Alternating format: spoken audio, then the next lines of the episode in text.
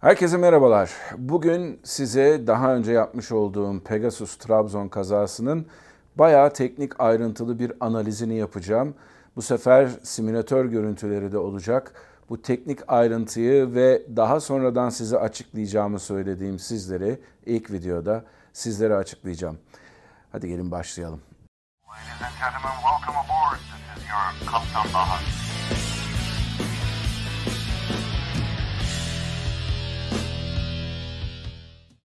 Herkese merhabalar arkadaşlar. Ben Kaptan Baha, Bahadır Acuner. Bir önceki yapmış olduğum Pegasus Trabzon kazası ile ilgili ayrıntılı açıklamalar ve incelemelere devam ediyoruz.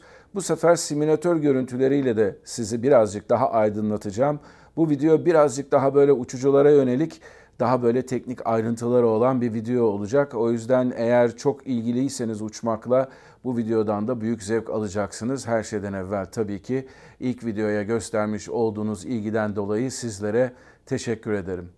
Şimdi ilk videoda tam anlatamadım size ben. Çünkü bir takım teknik olaylara çok ayrıntısıyla girmek istemiyordum.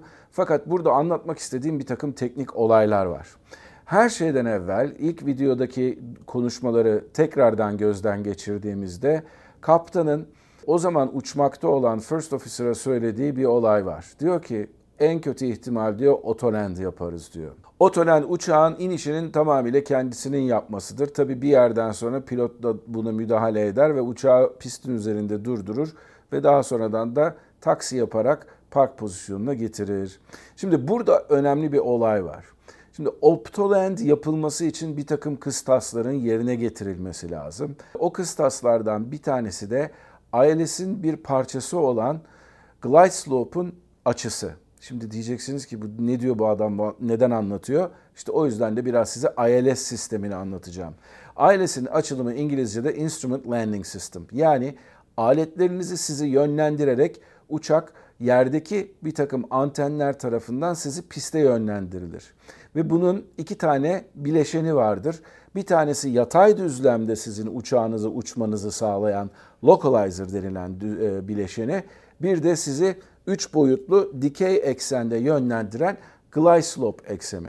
Şimdi glide slope İngilizceden de çevirirseniz eğer bir süzülüş açısı verir size. Aslına bakacağınız zaman Şimdi kaptan diyor ya biz en kötü ihtimal otoland yaparız diye. Burada gözden kaçırdığı çok önemli bir unsur var.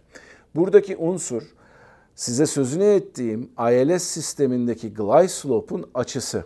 737'nin veya herhangi bir uçağın özelliklerini çalışmaya başlamadan evvel ilk olarak öğrenmeniz gereken şeylerin başında o uçağın limitleri, sınırları gelir.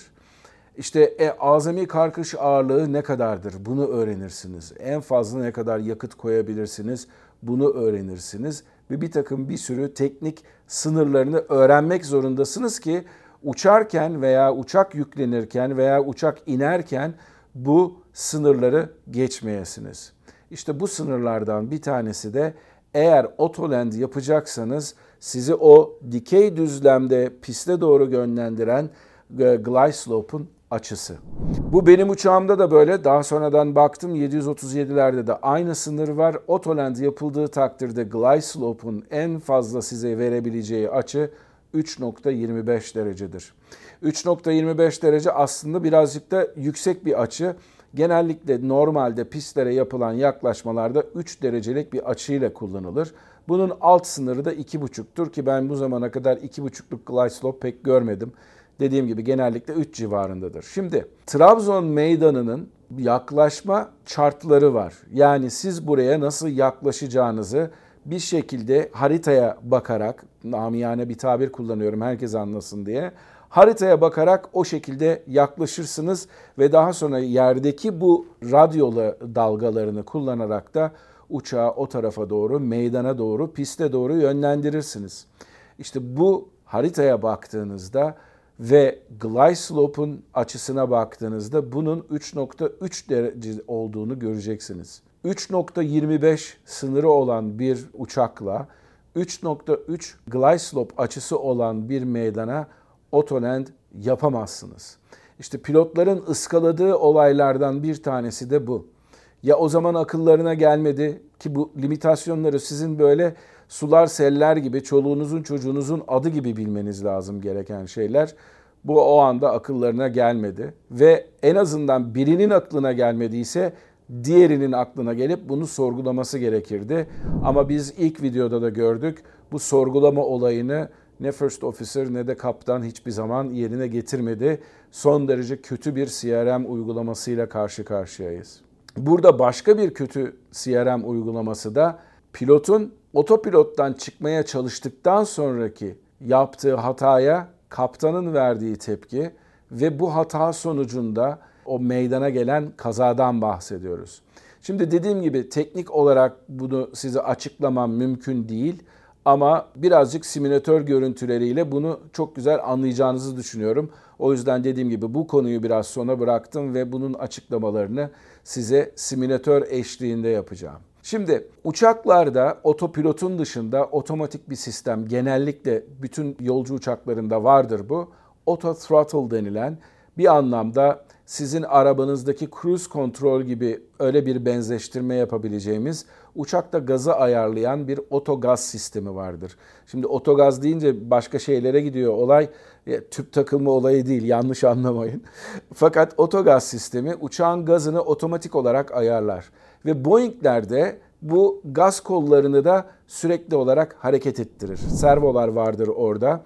Boeing'lerde de bu gaz kolları gaz miktarı değiştikçe uçağa uygulanan takat, motor takatı değiştikçe bunlar da ileri geri oynarlar. Eğer siz First Officer'ın yaptığı gibi yanlışlıkla otopilottan çıkmak istediğinizde TOGA'ya basarsanız sizin pas geçmek için gerekli olan gaz miktarına ayarlar bunu. Yani bir anlamda gaza basar. Çünkü neden? Pas geçeceksiniz. Artık inişten kalkı, kalkışa doğru bir değişim yapacak uçak ve tırmanması gerekecek. Onun için de büyük miktarda bir gaza ihtiyaç var. İşte bu yanlışlığı ortadan kaldırmak amacıyla daha önceden de söylemiştim biz bu yanlışlığı daha önce başka uygulamalarda gördüğümüz için yapılacak tek şey vardır. Bu cruise control sistemini, bu auto throttle sistemini tamamıyla devreden çıkarmaktır. Fakat burada işte First Officer'ın yaptığı hata bu TOGA'ya bastıktan sonra auto throttle'ı devreden çıkarmıyor.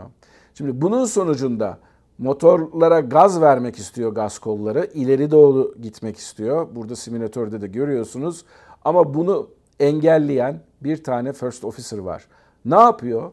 Elinin gücünü kullanarak, sol elini kullanarak bu gaz kollarını olması gerektiği miktara çekiyor. Fakat bu sırada otomatik gaz sistemi açık olduğu için o da sürekli olarak motora gaz vermeye çalışıyor. Siz bunu fiziksel olarak engellediğiniz zaman buna bir şekilde bir hakimiyet sağlıyorsunuz. Ancak burada olan şöyle bir olay var. Elinizi gazdan kaldırdığınız zaman bu servolar yine aktif hale gelecekler ve bunun sayesinde bu gaz kolları pat diye ileriye gidecekler. Çünkü uçak diyor ki gaz koluyla size sen bana pas geçmek istedin, motor gücü istedin ve sen bunu benimle savaşıyorsun. Ama sen bu müdahaleyi ortadan kaldırdığın zaman ben yine o istediğin %95'lik, %99'luk motor gazını sana yine vereceğim diyor. İşte bunun farkında olmayan First Officer belki de kontrolün elinde olduğunu düşünüyor ama auto throttle denilen sistemi devreden çıkarmadığı için zaten kötü bir yaklaşma sonucunda ana iniş takımları girdikten sonra devreye ve uçak oturduktan sonra piste işte bu noktada elini gaz kollarından çekiyor. Unutmayın 2 numaralı thrust reverser aktif değil. O yüzden sadece bir thrust reverser'ı kullanacak. Onun içinde yapmış olduğu hareket şöyle eliyle tutulur thrust reverser'ları çekersiniz. Onun yerine elini gazdan çekip belki de bir numaralı thrust reverser'ı devreye sokmak için uğraşıyor. Şimdi ilk videoda birazcık anlatmıştım. Thrust reverser'lar bir anlamda bir frenleme sistemidir diye. Uçağın motoruyla beraber fren yapmasını sağlayan bir sistemdir. Aslında uçağın ana iniş takımlarındaki sistemler en çok frene neden olan sistemlerdir ama thrust reverser'larda size yardımcı olurlar. Şimdi yağmurlu ve ıslak ve daha önceden de anlattığım gibi tırtıklanmamış dolayısıyla yağmur birikintileri olan bir asfaltın üzerinde gaz kolundan elini çeken first officer'ın sayesinde 2 numaralı motor birden gaz vermeye devam ediyor. Çünkü o hala gideceğini zannediyor. Ve bunun sonucunda iki numaralı motor yani sağdaki motor sağa doğru bir güç veriyor. Aynı zamanda First Officer'ın müdahalesiyle de First Officer bir numaralı thrust reverser'ı açtığında da orada bir frenleme yapılıyor. Dolayısıyla bunun sayesinde sol motor sizi frenletmeye çalışıyor. Sağ motor da sizi sağa doğru itmeye çalışıyor. İşte bu nedenle ortaya çıkan güç nedeniyle de uçağın burnu sola doğru dönüyor. Bu arada size bu videoyu Chicago'dan çekiyorum. Chicago'da tam da yaklaşmanın dibinde otelim ve e, biraz evvel Cargo Lux'un 747'si geçti. Çok güzel de görünüyordu ama zamanında videoyu durdurup size çekemedim. Kusura bakmayın. Başka bir zamana. İşte biz pilotlar böyleyiz. Maalesef videoda çekerken bile çok güzel bir uçak gördüğümüzde ha uçağa bak filan deyip dikkatimiz dağılabiliyor.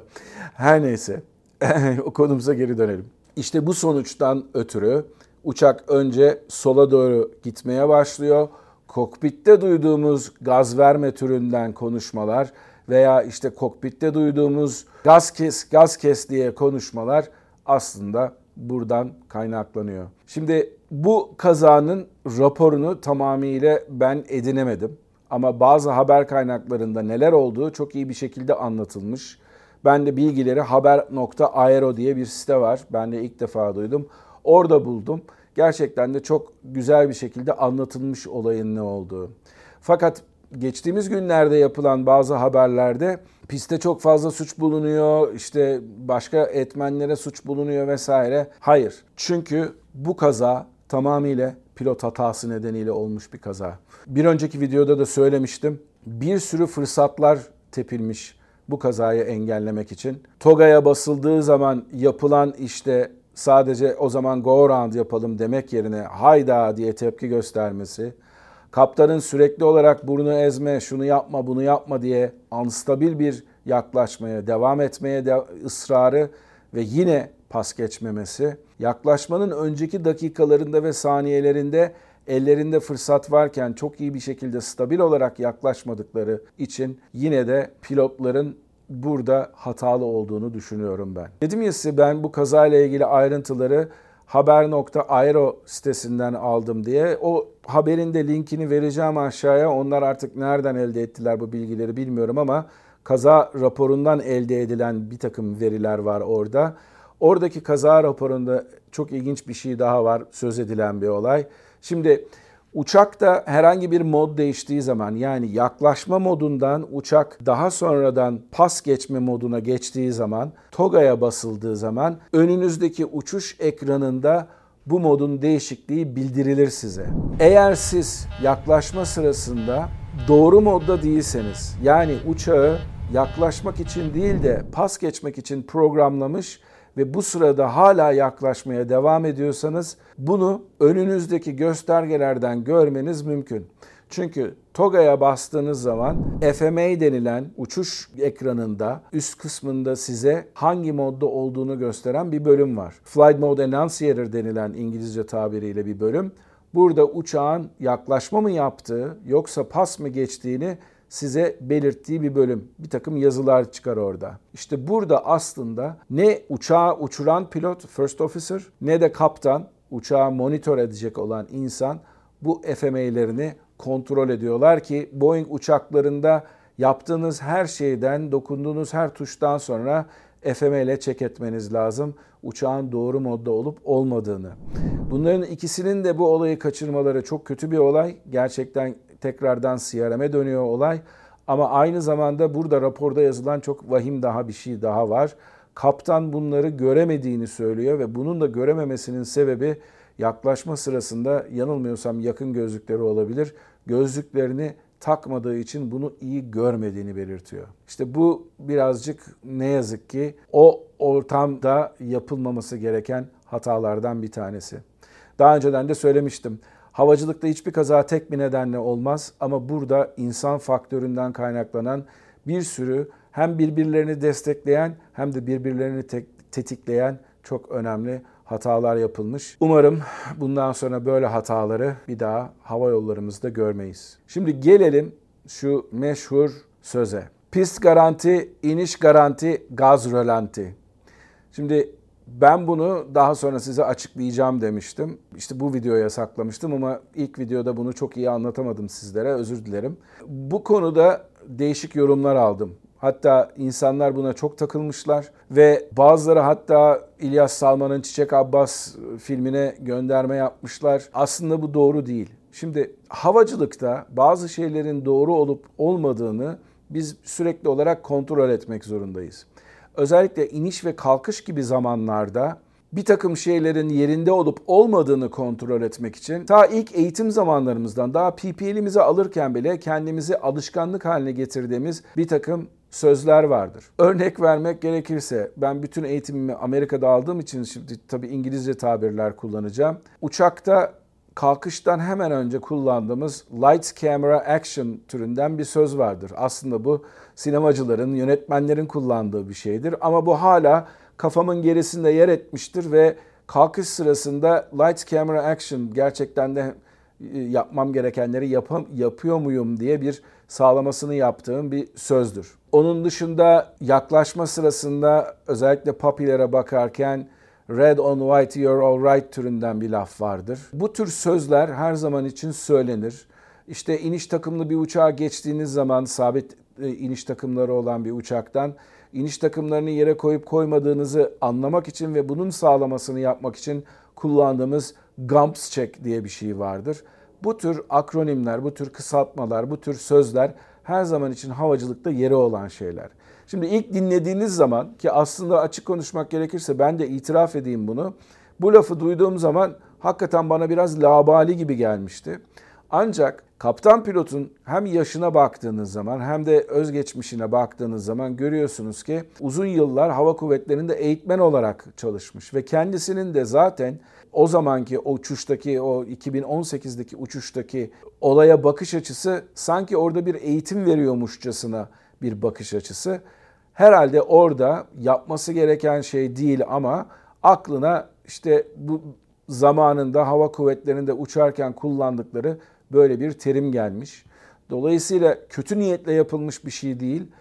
Ee, tabii insanlar böyle bir lafı duydukları zaman zannediyorlar ki orada kaptan kolunu dayamış cama işte elinde tesbih gaz rölanti, iniş garanti filan diyor zannediyorlar ama aslında öyle bir şey yok. Bu kullandıkları bir tabir o zamanki öğretmenlerin. Şimdi burada yapılan hata bu tabirin hava yolunda kullanılmış olması. Çünkü hava yolu tamamıyla prosedürler merkezidir. Prosedürlere uygun olarak uçmanız gerekiyor. Prosedürlerde de Pegasus call out'ları dediğimiz yaklaşma sırasında söylemeniz gereken, dile getirmeniz gereken bir takım şeylerin arasında pist garanti, gaz rölanti türünden herhangi bir şey yok. Bunu kullanmış olması standartların dışına çıkması açısından kötü bir örnek. Ama burada tamamıyla kaptanın hani ne bileyim bir minibüsçü edasıyla uçtuğu anlamına da gelmiyor. Bunu da size ayrıca açıklamak istedim. Bugün size biraz daha teknik bir video hazırladım bu Trabzon kazası konusunda. Umarım hoşunuza gitmiştir. Bu videoyu beğendiyseniz like'ınızı alırım. Aynı zamanda bu kanala abone değilseniz artık abone zaman olma zamanı gelmiş demektir. Bambaşka Kaptan Baha videolarında hem YouTube'da hem de podcast'te yayınlarımızda sizlerle beraber olmak dileğiyle. Mutlu kalın, esen kalın ama her şeyden önemlisi havacılıkla kalın. Görüşmek üzere, hoşçakalın.